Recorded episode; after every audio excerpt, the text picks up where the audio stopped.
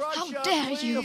Mr. Gorbachev, tear down this wall. I did not have sexual relations with that woman.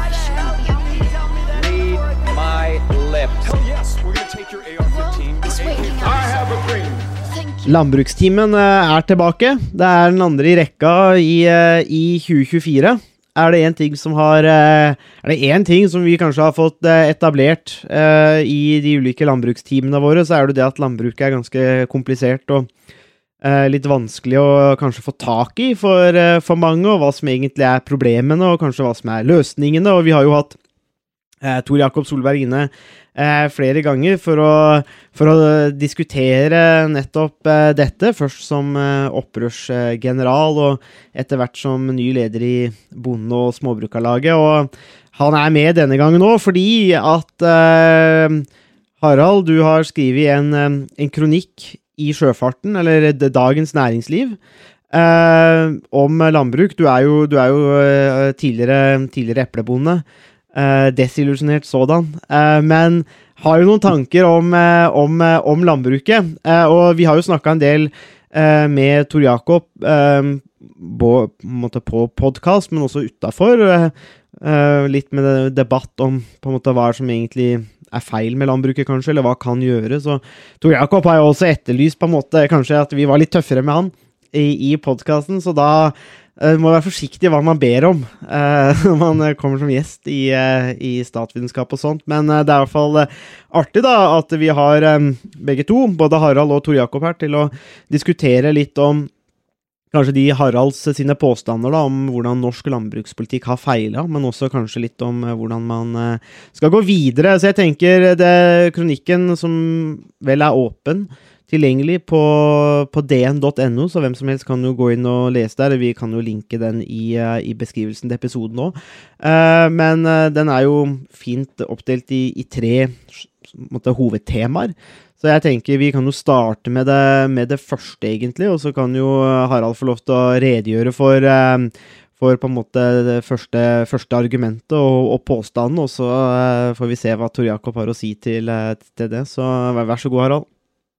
Ja, eh, takk for det. Eh, Jeg kan legge til at i tillegg til kronikken i, eh, i DN, eh, så hadde eh, Nasjonen et intervju med meg i eh, Eller en liten sak med meg som ble publisert i, eh, i dag. Og så kommer det en, eh, en sak i, eh, i Bondebladet også. Eh, Så mm, da blir det dekka i litt, eh, litt flere eh, kanaler, så jeg får utdypa litt. Men Eh, Helt først, så eh, Noe av bakgrunnen for eh, eh, kronikken som, eh, som jeg skrev, er egentlig det den observasjonen eller uh, som har gjort uh, om at i praksis så er det egentlig ingen uh, politiske regjeringsalternativer eller politiske samarbeidskonstellasjoner er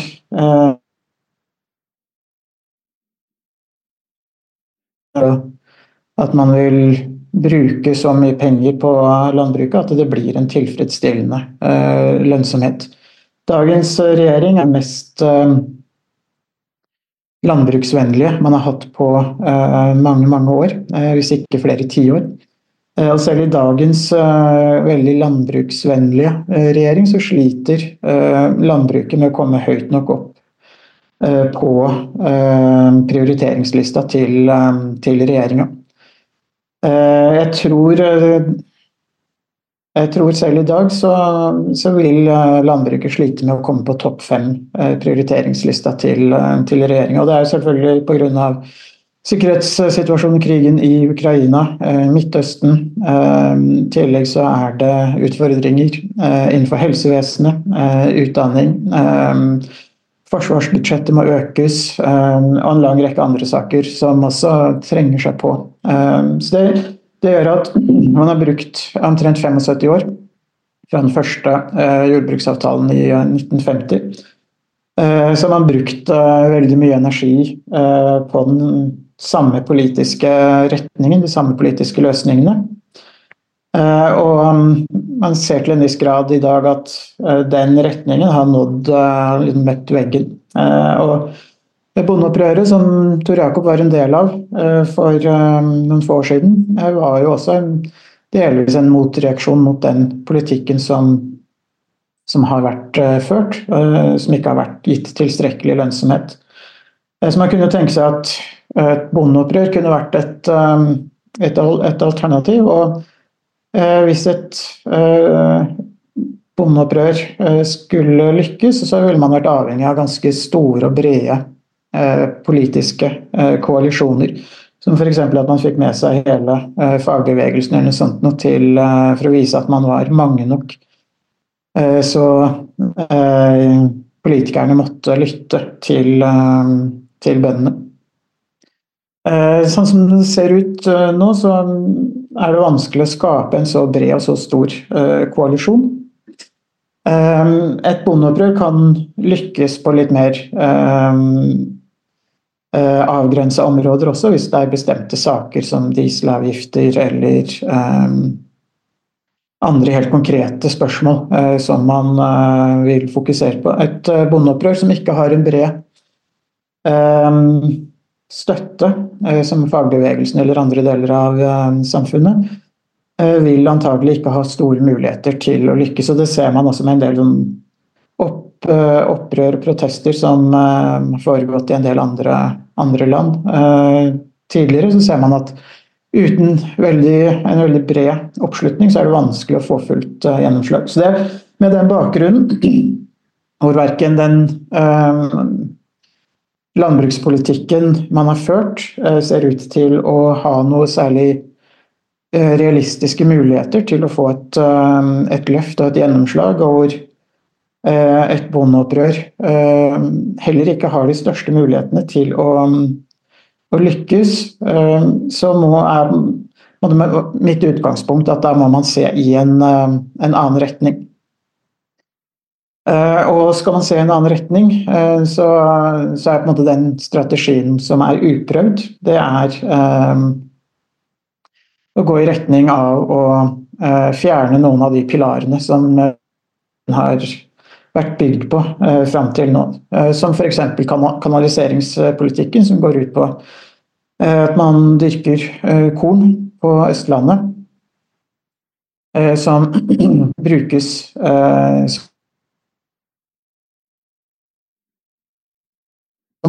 sendt tilbake til, til Østlandet. Uh, uten kanaliseringspolitikken så ville man klart å få en, kunne man fått en mye mer effektiv uh, produksjon. Hvor produksjonen hadde blitt konsentrert i, i noen av de beste landbruksområdene. Uh, og det ville medført mindre trans transport, bl.a., som ville gitt lavere, også lavere klimautslipp fra landbruket. Og I tillegg så kan man jo, som jeg argumenterer for i kronikken, når en stor andel av Norges befolkning eh, bor på det sentrale Østlandet, så, så, er det også både eh, effektivt og eh, god ressursutnyttelse at større andel av kornet som brukes og produseres på, på Østlandet, også kan, eh, kan fôres opp og brukes som eh, til husdyrproduksjon eh, på, på Østlandet. Så man kan si at kanaliseringspolitikken er en um, politisk løsning som står i veien uh, for å prøve et mer effektivt uh, landbruk, rett og slett. Mm.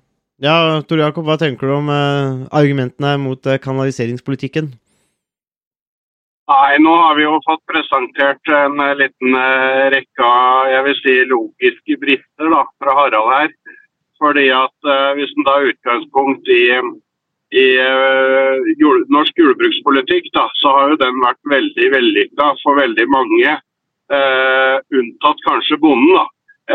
og med den litt harde påstanden jeg kommer med der, da, så kan jeg starte med at vi har jo evna å bruke norske arealer på en ganske brukbar måte der vi har en arbeidsdeling, der vi ønsker å bruke de arealene der vi kan lettest ta en effektiv kornproduksjon til det, i stedet for melkeproduksjon f.eks., som kunne vært eh, Historisk sett har jo den hatt en større andel eh, nærmere byene, men eh, pga. at den beste kornjorda ligger i nærheten av Oslo og Trondheim, så valgte en jo å gå for kanaliseringspolitikken. og Hadde vi ikke gjort, for, eh, gjort det, så hadde vi vært eh, totalt uh, uforsynt med norsk korn. Sannsynligvis, for det kornet kan ikke dyrkes der husdyra er ute i distriktene. Så da hadde vi jo hatt en totalt sett lavere matproduksjon. Um, og så har den vært vellykka på den måten at for forbrukeren i Norge, da, så bruker jo forbrukeren nå 11% av inntekta på mat. Det er veldig lavt. Eh, internasjonalt så er det helt eh, i bunnivå. Sånn at det er jo hvis du skulle redesigne et nytt samfunn, så er det ganske lite sannsynlig å se for seg noe særlig lavere matkostnader i forhold til kjøpekraft enn kanskje 10% i et ideell verden. Sånn at eh, å se for seg at matprisene er et problem for norske forbruker, det, det har jeg omtalt litt før. Altså Norske matpriser er ikke høye, men vi har et fordelingsproblem i samfunnet der stadig nye grupper ikke opplever kjøpekraftsutvikling. Det er problemet. Men å holde matprisen nede ved å legge opp til et mer og mer industrialisert jordbruk som ikke er tilkobla lokale og naturlige ressurser, det er jo en veldig dårlig løsning. da, For at du ender opp med en større og større risikofaktor i forhold til at matforsyningen kan både saboteres og bryte sammen. Eh, Anders Nordstad har jo eh, ganske ettertrykkelig og med ganske gode beviser, vil jeg si, slått fast at eh, norske matpriser dannes av norsk kjøpekraft og ikke av kostnadene til råstoff. Og Der er jo et eksempel med prisen for et brød, da, der norske korndyrkere stikker av med 2,5 kroner for kornet som går til ett brød, i underkant av det. Sånn at eh, om noen hadde gitt bort det kornet gratis, så hadde ikke det hatt betydning i praksis for eh, pris i butikk. Og butikkene nå tar jo, eller en del bakerier i hvert fall, tar rundt to kroner da, for å skjære opp et brød. Så forbrukeren aksepterer å betale to kroner for å få delt opp brød i butikk. Men eh, historien som fortelles er at den norske bonden er ueffektiv eh, og kostbar. Og så er det jo sånn at I andel av statsbudsjett så bruker vi også en lavere og lavere andel. Nå skal det sies at eh, den har økt litt de siste par åra, men det er jo fordi han har bestemt for å holde prisen til bondene nede og heller brukt mye overføringer for å kompensere for kostnadsveksten. da. Og så har vi da et jordbruk som bruker minst antibiotika i hele verden. Eh, om vi har den beste dyrevelferden i verden, det, det er helt sikkert et diskusjonstema. Vi har i hvert fall ikke den verste. Og jeg er ganske sikker på at eh, den eh, relativt småskala og desentraliserte norske matproduksjonen er veldig robust i forhold til dyresykdommer. da. Og Der ser vi jo nå at eh, litt av bakgrunnen for eggmangelen i Sverige er eh, at de har satsa på det som er Haralds eh, våte drøm, altså et kjempeindustrialisert eh, hønseri med 1,1 millioner høner som har fått salmonella, og hele produksjonen er, eh, er eh, egentlig lagt ned på ubestemt tid. De håper vel å få det i gang, men det er eh, tvilsomt om de klarer det. Sånn at i forhold til hvilke ting som vil bli bedre ved å eh, fjerne kanaliseringspolitikken, da, så tenker jeg at kanskje kan, de som vil være vinnerne, jeg tror ikke forbrukeren vil være vinner, for jeg tror norske dagligvarekjeder vil ta og fortsette den praksisen de har med å prise norsk mat etter kjøpekrafta, ikke etter kostnader. Eh, I forhold til mangfold, ja vi kan få kanskje enda litt mer importerte varer, men når en ser hvilke, eh, hvilke varer som norske forbrukere eh, foretrekker, da, så, så, velger de oftest å gå i lavprisbutikker med ganske dårlig utvalg. Da. Sånn at når det kommer til det store og hele, så, så, så er forbrukeren egentlig ønsker ikke å legge til rette for det mangfoldet sjøl. De sier det når de blir intervjua, men gjennom sine handlinger så velger de Kiwi og andre eh, butikker med relativt lavt utvalg og billig pris. Da. Ikke, ikke de ekstrembillige prisene, men, eh, men, det er ikke snakk om eh, et fullsortiment butikker som vi ønsker å legge opp til. Sånn at det, det som vil føre til en fjerning av kanaliseringspolitikken, vil føre til lavere norsk selvforsyning. Det vil nok kanskje gjøre at eh, vi gror igjen mer i distriktene. Turistnæringa vil få dårligere vilkår. Eh, Og du vil få en eh, redusert norsk arealbruk som vil gjøre oss i mindre stand til å produsere egen mat. Forbrukerne vil, eh, vil nok ikke merke det særlig på matprisen. Jeg tror kanskje går det bitte litt ned i starten, men jeg er helt sikker på at kjedene vil prise opp den maten etter hvert. sånn at eh, totalgevinsten av å kaste et jordbruk som leverer på veldig mange samfunnsområder, ikke minst også sysselsetting og verdiskapning i Norge, når vi snart ikke produserer noe som helst i dette landet, her, det mener jeg er et veldig dårlig bytte. Da, men det, det er jo lov å se ulikt på det. Da. Men jeg tenker det, det er en no-brainer sett fra mitt ståsted, i hvert fall. Da. Ja, vil du følge opp eh, med kanaliseringen? Ja, nei, altså det, det som eh, det kommer til, eh, tilbake til for min del, er jo eh, til siden og sist hvordan man skal skape et lønnsomt landbruk. fordi man er avhengig av at bøndene tjener penger, og at det er en akseptabel lønnsomhet i næringa. Og det er, har jo vært hovedutfordringen så lenge jeg kan huske. Og det som landbruket svarer dårlig på, syns jeg er hvordan man skal eh, forholde seg til at det ikke finnes noen eh, politiske eh, veier til å nå det målet eh, man har om, eh, om en eh, akseptabel lønnsomhet. Så man kan si veldig mye om forskjellige eh, mål knytta til kanaliseringspolitikken. eh, hva som vil være mest eh, gunstig osv. Eh, Men det som man må, eh, som landbruket også trenger et svar på, nå som det ikke ser ut som det er noen særlig eh, politiske muligheter til å nå fram, hvordan er det man skal skape lønnsomhet i en sånn situasjon? Det er det sentrale spørsmålet, og det er kanskje det som jeg ønsker å ut, utfordre både Tor Jakob på og Bondelaget og andre innenfor landbruket. Hvordan er det man ser for seg at man skal skape en tilfredsstillende lønnsomhet til syvende og sist? Ja, jeg kan svare litt grann på det, for jeg kjenner ikke igjen på en måte retorikken som Harald drar opp her sånn fullt og helt. For det at eh, vi har en Hurdalsplattform som sier at de skal levere på jamstilling og rett tallgrunnlag. Og det er jo eh, rykter nå som sier at eh, det tallgrunnlaget er eh, rett rundt hjørnet, og sammen med en selvforsyningsplan og en opptrappingsplan. Og det er jo også flere andre partier på Stortinget som har uttrykt at de ønsker å støtte dette.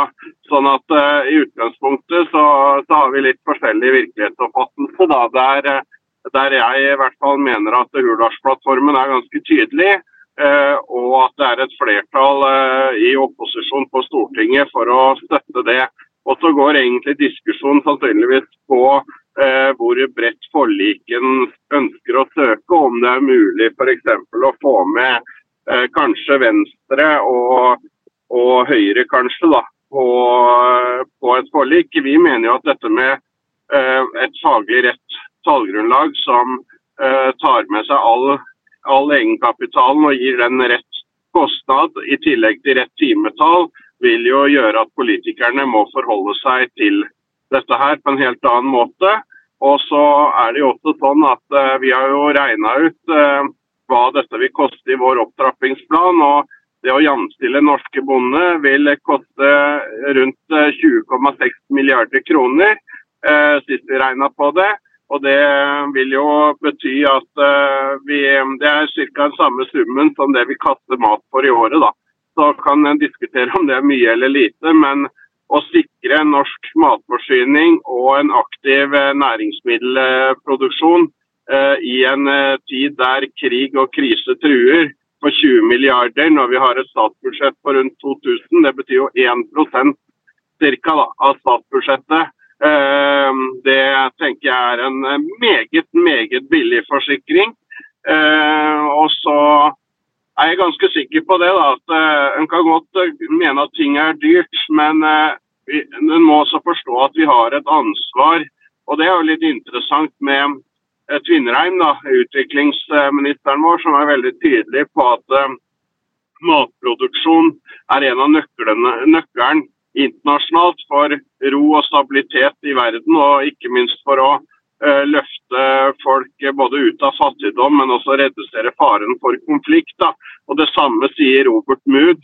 Og det er ingen av de som har bedt om mer marked, de har bedt om mer rettferdige vilkår for matproduksjon i det enkelte land. Og det er der også vi tror at når regjering, regjeringen får tenkt seg om, så vil de også se at den samme regelen gjelder i Norge. da. Mm. Jo Og så en annen ting eh, helt til slutt også på det, er jo i jeg tror det var 2016 eller noe sånt, så spurte jeg daværende landbruks- og matminister Jon Georg Dale om han kunne For han òg hadde jo litt de samme ønskene som det Harald har, om å liberalisere og endre en del av disse tinga her. Og da spurte jeg om han kunne komme med eksempler på vellykka liberalisert matpolitikk, der også jordbruket har oppnådd en eh, sosial bærekraft. da, eh, Som gjør at den er satt i stand til å kunne eh, vedlikeholde sine egne driftsmidler og utvikle seg, og ikke minst kunne levere under ulike eh, forutsetninger med klima og, markeder. Og Han sa at det skulle han svare på, men han har ennå ikke svart meg på om han hadde noen eksempler. Så det er liksom kanskje en utfordring til Harald. da. Om, om Harald kan komme opp med noen eh, eksempler på vellykka liberal eh, landbrukspolitikk rundt omkring i verden som sikrer kanskje FN sine bærekraftsmål på en god måte over tid. da. For det er jo det vi kanskje ser, at familiejordbruk det vil jo over tid sørge for at du har en eh, bruk av jord og ressurser i et helhetsperspektiv, mens et selskapsjordbruk som vil tvinge seg fram hvis du liberaliserer, det vil jo føre til at du bruker opp ressurser og sannsynligvis prøver da å maksimere profitt eh, ut fra det som er eh, markedets lover. da. Og sannsynligvis så vil heller ikke forbrukeren bli en stor vinner i dette gjennom at du får et race to the bottom, både når det gjelder dyrevelferd, eh, medisinbruk og langsiktig, fornuftig forvaltning av naturressurser. Ja, du kan jo svare kort på det, Harald, før vi går videre til neste punkt. Gjerne. Jeg tror når det gjelder de politiske forutsetningene, så er det mange lovord eh, og eh, mange uforpliktende løfter. Eh, Og det som er, man har sett når det gjelder landbrukspolitikken, er at opptrappinger og bevilgninger det har vært, kommet for sent og vært for, for lite. Det, I løpet av de siste 75 årene så har man ikke klart uh, å hente igjen uh, noe eh, nevneverdig når det gjelder inntekt. Man har gått litt, litt opp og litt ned, og så har man ofte endt opp på stedet, på stedet hvil. Hvis man ikke har klart på 75 år, så tror jeg det skal veldig mye til for at de planene og gode intensjonene som finnes, noen gang skal bli materialisert. Så selv om 20 milliarder kun er 1 eller noe sånt nå av eh, statsbudsjettet, eh, så er det veldig sterk konkurranse eh, om de midlene. Og det er mange andre yrkesgrupper, som lærere, sykepleiere, forsvar og osv., og som også kjemper om de midlene og politikerne må prioritere. Og der vil ofte landbruket bli prioritert ned.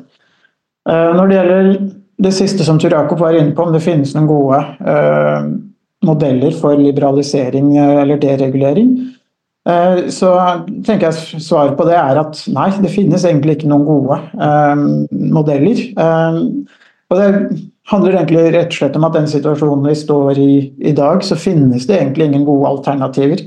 Vi står egentlig bare overfor eh, dårlige politiske alternativer.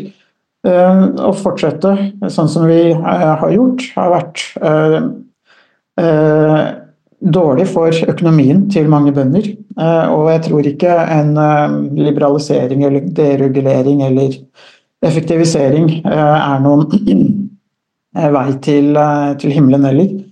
Eh, Det jeg tenker er at når man har prøvd eh, alle andre eh, alternativer, eh, så får man prøve og se om man kan eh, komme noen vei eh, med liberalisering og, deregulering. Og hvis man ikke hvis ikke det, det virker heller, så, så vet ikke jeg, eh, rett og slett. Men du, det, det er jo en grei Segway for så vidt inn til det andre punktet, for du har jo tatt til orde her for en deregulering av landbruket, og hva, hva som er på en måte dine argumenter for det, da? Um, man kan si litt overordna, så um, er, består landbruket av en eh, lang rekke eh, ordninger som blir eh, administrert ovenfra og ned. Så man kan si litt enkelt så vil eh, argumentere for å gå i en retning eh, hvor beslutningene i større, større grad eh, tas eh, av hver enkelt eh, bonde. Eh, og at man har mindre eh, detaljregulering eh, av både produksjon og også hvordan gårdsbruk verdisettes og prisen som til, syvende og sist også er delvis politisk regulert. Hvordan den settes, noe som jeg tenker er et veldig inngripende tiltak. Eh, Hvor eh, landbruksmyndighetene har mulighet til å overprøve eh, prisen som settes mellom kjøper og selger.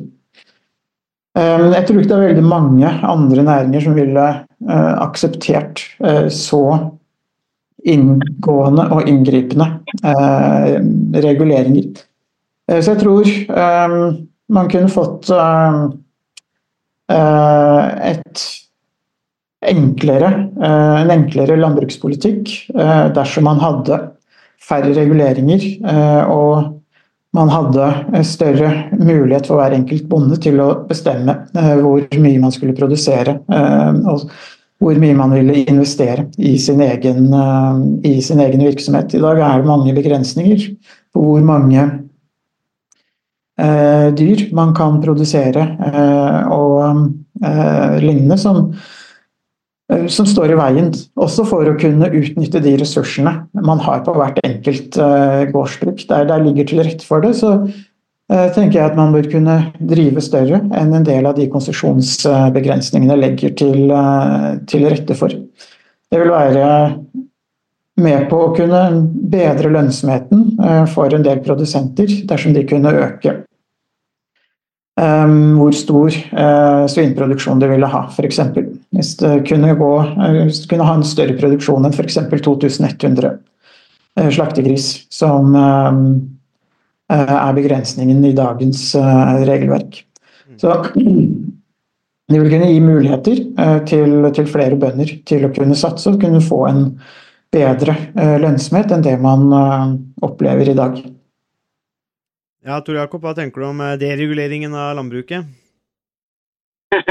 Nei, jeg eh, tenker at vi kan dra en eh, para... Altså, det er jo ikke sånn at jeg mener at alt i jordbruket er perfekt, men jeg mener at vi har et, eh, et godt utgangspunkt til å kunne gjøre det betydelig bedre enn det et fritt marked vil klare å prestere hvis en ser det på landsnivå. Da, og hvis en legger opp til at god politikk skal jo handle om å gjøre det som er riktig for landet, som et marked i utgangspunktet ikke klarer å håndtere. da.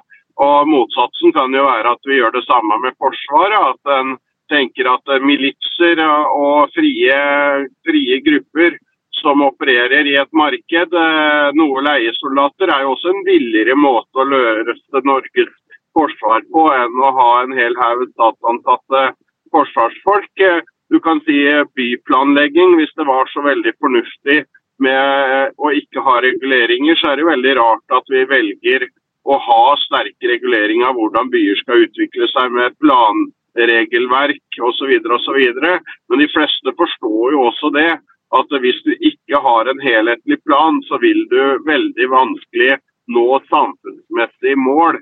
Og Det er jo der jeg mener at uh, hovedutfordringen for norsk jordbruk det er at vi er underfinansiert. Det er ikke et problem for næringsmiddelindustrien så lenge de får nok råstoff, men uh, nå er jo det i ferd med å materialisere seg bl.a. gjennom mangel, liten melkemangel som egentlig ikke er så stor, men han er jo der, og også en del andre ting. sånn at ved å tro at et fritt marked vil løse ting eh, som vi i dag har problemer med. Det tror jeg ikke. Jeg tror det vil skape en hel del nye problemer. Noen vil bli vinnere, i forhold til dette som Harald drar opp i forhold til konsesjoner og begrensninger, da, så er det helt sikkert mulig å diskutere hva det skal være. Men poenget er det at eh, hvis du hadde dobla grisekonsesjon, eller gjort sånn som Listhaug gjorde, og dobla eh, fjørfe, altså kylling- og kalkunkonsesjon, da, det du over tid får, er jo et industrialisert jordbruk som har vist seg over tid vil være god på én ting, og det er å kutte kostnader og produsere billig mat. Men det gir over tid et redusert eierskap til matproduksjonsressursene, og du ender opp med et jordbruk som ligner mer på det svenskene har testa nå, som har feila totalt på matsikkerheten deres. Sånn at eh, hvis du vektlegger matsikkerhet, vektlegger at verdien i et samfunn skal fordele seg på flere enn noen veldig få hender, for det er jo ikke tvil om det at hvis du fremskriver denne utviklingen, og det er det som har vært å merke seg som han bonden i New Zealand som jeg jobba hos, eh, som hadde sett det newzealandske deregulerte jordbruket over tid. Han sa jo at er det én ting dere må kjempe for i, no i Norge, så er det å hindre AS i jordbruket. Han så jo langtidseffekten i New Zealand. Den er ganske ekstrem. altså Der du ender opp med at bygda består av eh, færre og færre sjøleiende bønder og flere og flere gårdsarbeidere som ambulerer rundt under så forhold som, eh, så billig forhold som mulig for å produsere verdier og mat for noen uh, selskaper da, som kontrollerer, kontrollerer matproduksjon. Og Derfor så tror jeg at ved å liberalisere, så vil du ikke løse noen problemer. Du må skape noen problemer som vi ikke har i dag. og så kan si For de rikeste og sterkeste i samfunnet så vil ikke dette være noe problem. Men du vil skape større spenninger i samfunnet som over tid vil gjøre at vi får problemer med ting som vi i dag ikke har problemer med. og Det mener jeg at som et ambisiøst og rikt land, så bør vi faktisk tørre å gå for det som er det mest riktige og beste. Og, og Det handler jo om at um, vi skal ha jamstilling, altså økonomisk og sosial like vilkår. Om du er matprodusent eller, eller om du er ansatt i, og et gjennomsnitt av samfunnet. Og Det mener jeg er en veldig billig forsikring inn i den tida vi har nå. da. Så totalt sett så, så, klarer jeg ikke å se hvilke ting som eh, vil bli bedre av det, men jeg er ganske sikker på at vi vil få noen nye tapere som ikke er tapere i dag. Eh, og jeg tror jo helt klart at det er en ganske uambisiøs linje å legge seg på. da. Eh, jeg tenker noe så grunnleggende som mat. Eh, hvis det skulle vært ambisiøst for norsk matproduksjon, så burde du i og for seg gjort en del med noen større strukturer. Du måtte sikre at vi hadde verktøy for å produsere mest mulig eh, rett mengde. Du burde gitt teigbasert tilskudd som gjorde at overføringene fordelte seg sånn at vi fikk lønnsom bruk av alt det arealet i Norge som, som, er fornuftig å produsere mat på. Og så ikke minst så må du også sørge for at eh, vi holder en høy standard på den norske maten. Da, for at eh, og det må være en, eh, også en sikkerhet i samfunnet så at alle har råd til å spise ordentlig mat. Da. For det er en av de tingene som Jeg, jeg så et intervju fra England her om dagen, da, der de hadde intervjua en fattig eh, familie i England. og det, De spiste jo bare det vi kaller junkfood og drittmat. da. Og Det kan hende at det samme skjer i Norge, det vet jeg ikke. Men det er jo det som egentlig over tid fører til at du får enorme helsekostnader med at folk både lever dårlig liv og får eh, eh, livsstilssykdommer og at de spiser mye usunn eh, mat, som igjen gjør at samfunnet får unaturlig høye kostnader som kunne vært unngått. Så Her handler det om å se helheten. Norsk, I Norge så har vi 160 milliarder som er i helse, nei, matrelaterte helsekostnader. Så egentlig så er en bra matproduksjon vil jo kunne være selvfinansierende hvis den legger opp til at eh, folk i Norge skal spise sunn og bra mat. Så, så, Det er jo egentlig det en kanskje også savner. da, En mer visjonær politikk. I dag så er den mest solgte dagligvaren er brus, den nest mest solgte er godteri. Og folk klager på matpriser og blir tjukke og feite og slitne og uføretrygda. Mens det vi egentlig hadde trengt, var jo en offensiv politikk der folk spiste bedre mat, og at vi fikk i oss mindre av det vi ikke skal ha i oss, rett og slett. da. Mm. Men, eh, Men hvis du tenker eh, Vi bare eh, gå til eh, Jeg har noen, har, har noen tanker rundt det her sjøl òg, men jeg tenker spørre deg, og Tor Jakob, fordi i, i kronikken til Harald så, så, så snakker jo han også om eh, om dette med verdier, altså på, på gårdsbruk. Det at, eh, at eh, det, det rett og slett er eh, det, det, som på en måte er verdiene, da, det tilsvarer ikke de, de eh, reelle verdiene. Harald skriver at de som har investert i gården sin, de må jo da eventuelt selge gården til en lavere pris enn hva den er verdt reelt, da, og dermed så forsvinner også insentiver til å faktisk gjøre investeringer ved salg. Altså, er det, er det et problem her? Eh, Er dette, altså, er dette en problembeskrivelse, en virkelighetsbeskrivelse og en problembeskrivelse som, som du kjenner igjen? Uh, fordi at det er litt viktig med tanke på Haralds argument om å deregulere, da. Ja, I forhold til eiendomspolitikken så kan du si at du har et par paradokser her. Og Sånn priskontrollen fungerer i dag, så er det jo en veldig mild bruk av priskontroll. Altså, Det var jo mye strengere før, og jeg tror sannsynligvis så, så tror jeg vi ligger på et greit nok nivå i dag. Eh, når det var veldig streng praktisering tidligere, så førte jo det til at det ble mer penger under bordet eller andre snuskete avtaler da, for å unngå eh, å gå i taket på priskontrollen.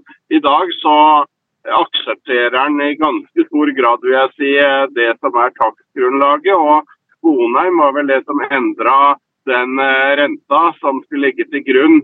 Eh, han endra den vel fra, fire til, nei, fra sju til fire, den kapitaliseringsrenta. Ja, da tar jeg det litt på husken. Men det endra hvor lønnsom en gård måtte være i forhold til å verdsettes. da. Um, det som, eh, de, det som Harald drar opp i forhold til at det vil være problematisk å, å hente ut verdier, det er jo egentlig først og fremst for de som skal ut av næringa. At de ønsker å realisere mest mulig for å sikre seg sjøl, men det vil jo ikke påvirke matproduksjonen i positiv retning nødvendigvis.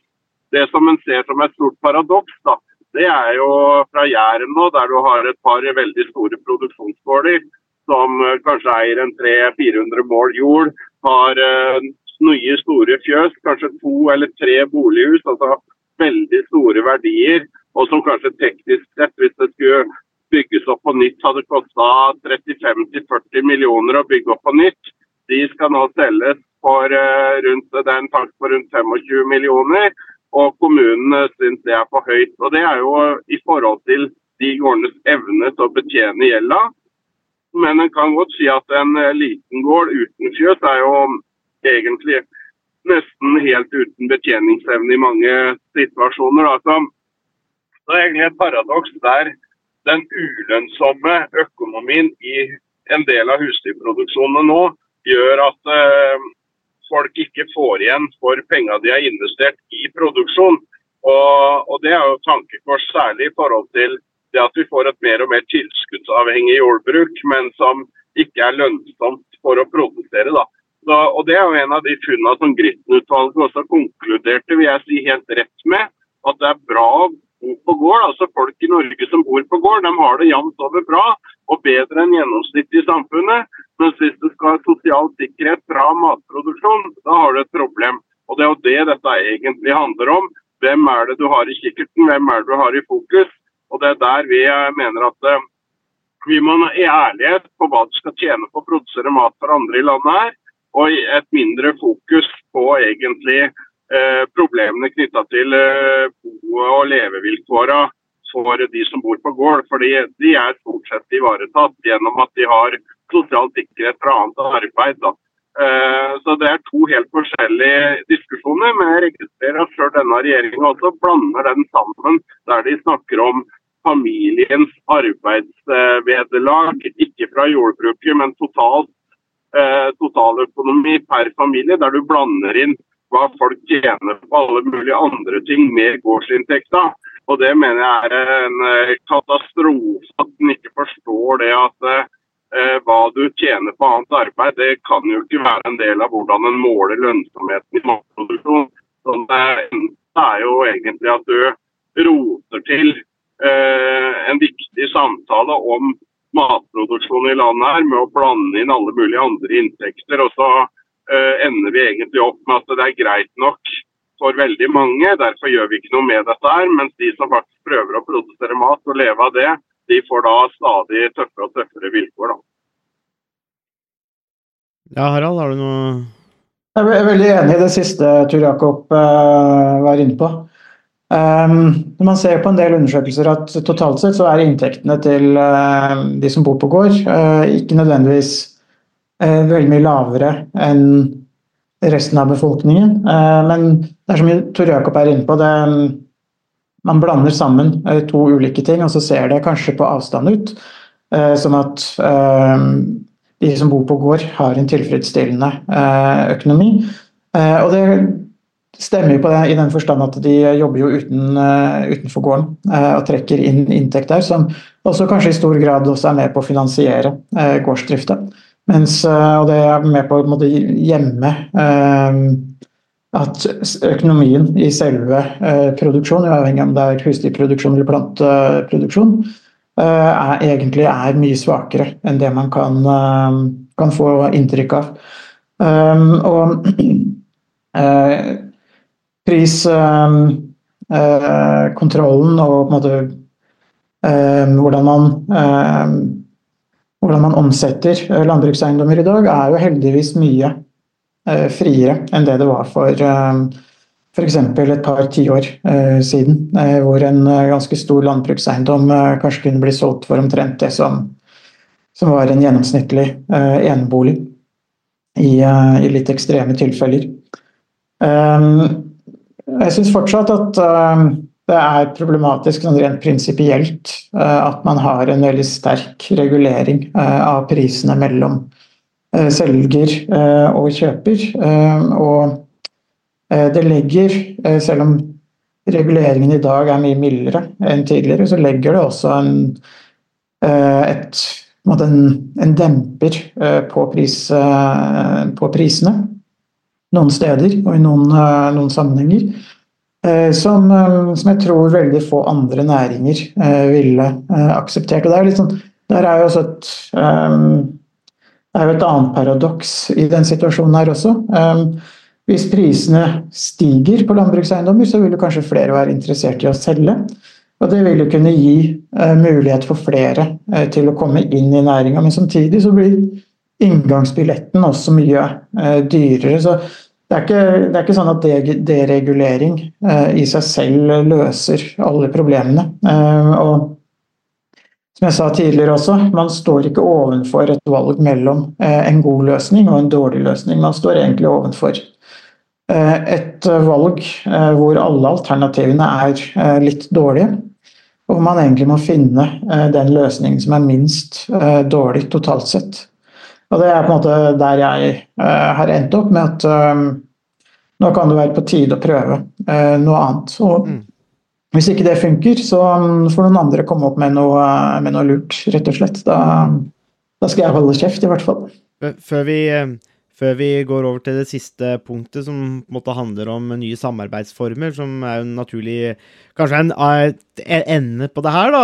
Du skal få lov til å redegjøre litt for det òg, men det er jo på en måte det som kanskje er det store spørsmålet her, på en måte. Altså om det er nye samarbeidsformer eller reguleringsformer eller hva det, hva det måtte være. Det vil bare plukke opp helt kjapt det som um, som Tor Jakob snakka om i stad, med, med, New Zealand. For det landet kjenner jeg jo ganske godt.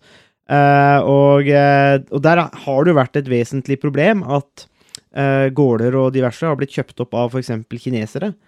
og styrt produksjonen på en måte litt dit de ønsker, og det blir lite ja, Man tar ikke helt vare på, tar, tar helt vare på jorda, så det er ganske mye som er akterutseilt der.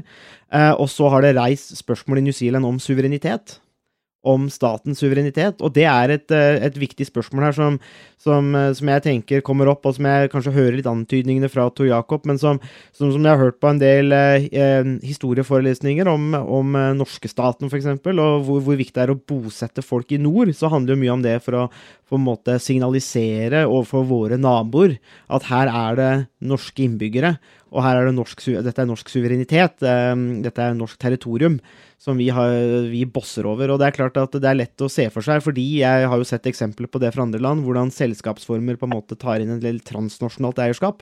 Og da er jo spørsmålet hva gjør det på, et, på, et, på, et, på et eh, suverenitetsperspektiv her. Da. Så det, det, det syns jeg for så vidt er litt interessant. Og når man også vet eh, hva en del aktører kan finne på, russiske eller kinesiske landere, så, så er jo spørsmålet på en måte om, om ja, er det, det jeg satt og tenkte på, er litt tilbake til diskusjonen vi har hatt i noen podkaster om Milton Friedman. da om uh, hva man driver med. Og en tanke som jeg kanskje jeg får, er jo på en måte er landbruket på en måte en litt annen næring enn en andre næringer. Vi snakker litt om strøm. Er strøm, er strøm, strøm noe annet enn strømmetjenester? Uh, ikke sant? Uh, det er litt sånn. er kanskje mat noe annet?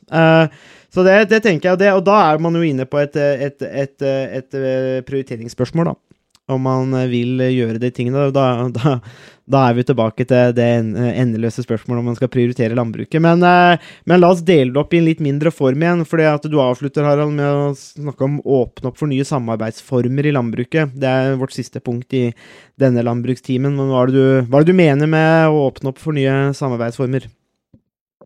Um, altså Sånn som det er i dag, hvor mange uh, unge uh, bønder må investere veldig store summer i en produksjon. Eh, og i en situasjon hvor de kanskje er i ferd med å etablere familie også, så blir den økonomiske risikoen eh, for hver enkelt eh, bonde veldig stor. Arbeidspresset blir veldig stort. Og når man nærmer seg investeringer på rundt på kanskje 20 millioner, så, så er man allerede over i en kategori som, som, ikke er helt i det tradisjonelle familiejordbruket som man, eh, man, ofte kan snakke om i, i tidligere, eh, tidligere, tider. Så man har fått en, med, spesielt med den kostnadsøkningen på byggekostnader spesielt, de siste årene, så, har det, så, har, så står man i en litt annen situasjon i dag enn tidligere. Når man på toppen av det også har eh, sterk prisvekst eh, på plantevernmidler, eh, gjødsel og alle de innsatsmidlene som skal til i en produksjon, så blir kapitalbehovet veldig høyt. Og i en sånn situasjon så tenker jeg at man må, må mm, prøve å tenke nytt om hvordan man kan spre risikoen, og hvordan man kan samarbeide bedre. Eller ha et økt samarbeid. Noe av det som som har stått litt i veien for samarbeid i jordbruket, er jo litt det at man mm, tenker på gården som en del av, en veldig tydelig del av familien og slekta, og måte man har en del, det er en del tradisjoner eh, knytta til, til, gården som gjør at man kanskje ikke har vært så villig til å, å inngå en del forpliktende eh, samarbeid med naboer eller, eh, eller andre eh, i nærheten. Um, men når man står i en situasjon hvor man må investere så store summer som det man må i dag, så tror jeg er nødt, eh, man er nødt til å tenke litt uh, nytt. Uh, og så har det vært en diskusjon tidligere også i landbruket om uh, aksjeselskap eller ikke. og jeg tenker det bør være en åpning for aksjeselskap. Sånn, rent prinsipielt. Jeg tror ikke aksjeselskap er den rette løsningen for alle. Um, antagelig bare et lite, kanskje bare et lite mindretall også. Men jeg tenker der det kan For de produksjonene og for de bøndene som tenker det kan, eh, kan passe for dem, så bør det være én uh, mulighet man bør ha i den situasjonen man står i nå. Med en presseøkonomi, uh, store investeringer, så bør man ha tilgang til så mange verktøy som, som overhodet mulig. Um, og så er vil jeg legge til at jeg snakker om først og fremst om deregulering, ikke avregulering eh, sånn i seg selv. Så alle næringer, inkludert landbruket, vil jo være gjenstand for eh, reguleringer. Eh, så mitt hoved, hovedpoeng er egentlig mer at man skal regulere mindre enn det man, man, gjør i dag. Og alle næringer vil og måtte regulere, så man må regulere landbruket også, sånn som man unngår eh, at man eh, får spørsmål eh, om suverenitet og at store arealer er eid av potensielt fiendtlige stater eller andre som kan utgjøre en, en, trussel både mot matproduksjon og Norges sikkerhet, eller hva det, hva det, måtte være. Så, man, så vi er nødt til å regulere. Hvem som eier og hvordan, hvordan eh, altså hvilke betingelser eh, som, som, skal være gjeldende. Så det er ikke sånn at man skal avregulere totalt, men man må deregulere og finne de reguleringene som er tilstrekkelige for å sikre Norges, Norges interesser i et bredt perspektiv også. Mm. Hva tenker lederen i Småbrukarlaget om det? Nei, jeg syns det er interessant begrepsbruk. da. For avregulering, da mener han kanskje å fjerne alt. Eh, og det tror jeg aldri kommer til å skje. Og hvis du ser på USA, da, som en tenker er land of the free, ikke sant? og et ganske uregulert, så er de jo egentlig et ekstremt proteksjonistisk land. Og de har jo veldig planer om at de skal hindre at uh, de mister kontrollen, men så mister de faktisk stadig nå kontrollen til multinasjonale selskaper. og også kinesisk storkapital er jo inne der på betydelig eier, uh, eierstyring i amerikansk jordbruk også. Sånn at uh, det sporet er i hvert fall et høyrisikospor. Det som er altså Det er ganske mye som er lov i norsk jordbruk i dag. Jeg har fullt lov til å drive gården min som et AS. og det en del bønder eh, gjør det. Det er eierskapet og det å få konsesjon, det er der det er krav om personlig, eh, personlig eierskap. og det, det, mener jeg er veldig viktig. for at eh, det ved Formålet med norsk eh, konsesjonspolitikk er jo å hindre at for mye areal og verdier havner på noen få hender. Og hvorfor var det et mål? da? Jo, fordi vi har ligget under dansketida. Vi har visst og sett og kjent på kroppen hvordan disse systemene fungerer. og Det er derfor den sjøleiende bonden har vært et mål i norsk politikk. Og dessverre så er det en del som er såpass både naive og historieløse at de ikke tror at den historien vil gjenta seg. Men det er klart at det, i en verden der mat eh, er et våpen i hybrid krigførsel, og vi har eh, klimaendringer også som vil gjøre at vi i tillegg til no normalrisikoen tar en overrisiko på at befolkningsmengder flytter på seg og vil kunne skape uh, hyperbehov i enkelte områder. Det hjelper jo ikke å ha 30 millioner fiskemåltider til overs i Norge som vi sender rundt i verden, hvis ikke det er passe mengde mat hos enhver innbygger i landet. Altså Du kan oppnå sult i deler av landet selv om det er uendelig med mat andre deler av landet. og Det er der den familieeide jordbruksmodellen da, som eh, vi i Norsk Bonde- og Småbrukarlag slåss veldig for, har vist seg å være jeg vil si, ganske fortreffelig når samfunnskontrakten, som er en del av kriseforliket i 35,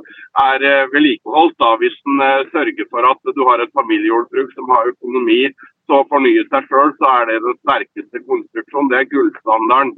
Og så er det jo også sånn at når jeg er veldig positiv også til nye selskapsformer. Jeg tror eh, der, eh, der tenker vi for lite eh, på.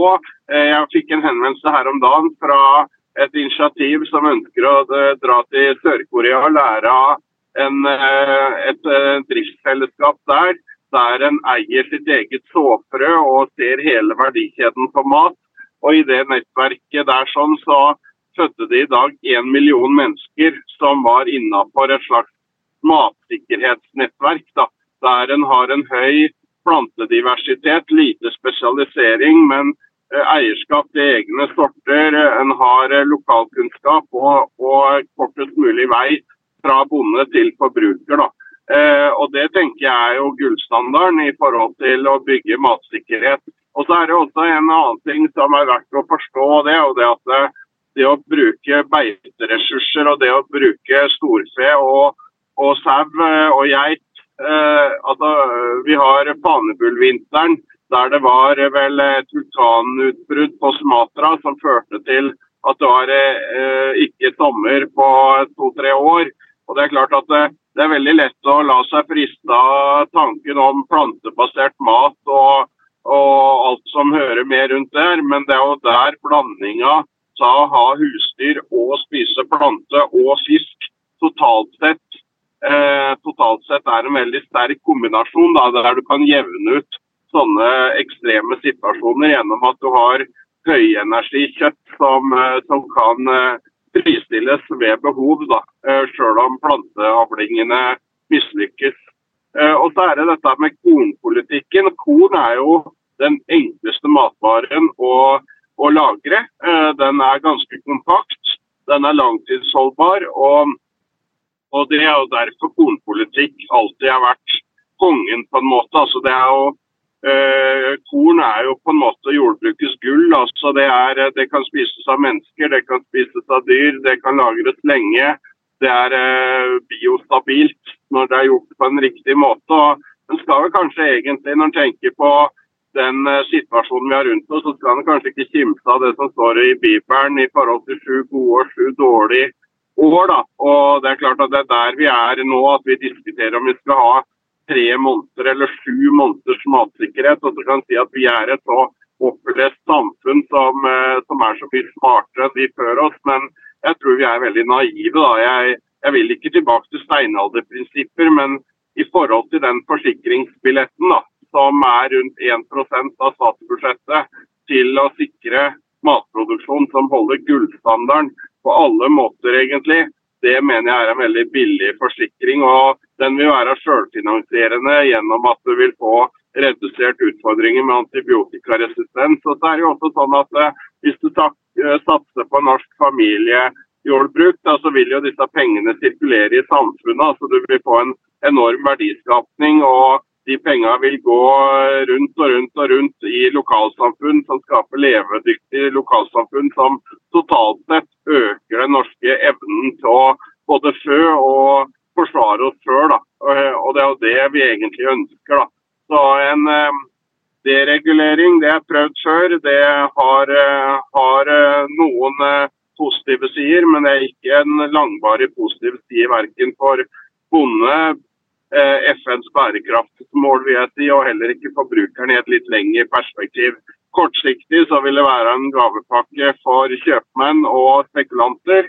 Eh, og, eh, og så får vi se da hva som er det lure. Men jeg er ganske sikker på at den forsikringspremien da, som eh, egentlig samfunnet eh, er blitt utfordra nå på å betale for å sikre en ordentlig bra matproduksjon, det mener jeg er en billig forsikring å betale. Vi, vi er villige til å betale ganske mye for å unngå at bilen vår eh, eh, blir verdiløs etter en smell, men eh, vi har også et solidarisk ansvar i forhold til verden rundt oss. og og der tenker jeg også at Hvis vi gjør dette på en ordentlig måte i Norge, så kan vi faktisk bli en fyrlykt i forhold til hvordan vi kan sikre en matberedskap og en matproduksjon som faktisk er gjennomgående solid og ordentlig. Da. Og så må jeg også si at eh, jeg registrerer at Otta Brox eh, døde denne uka. Han var jo en som var veldig tydelig på dette med, med tanker rundt eh, verdi, verdier i samfunnet og bruk av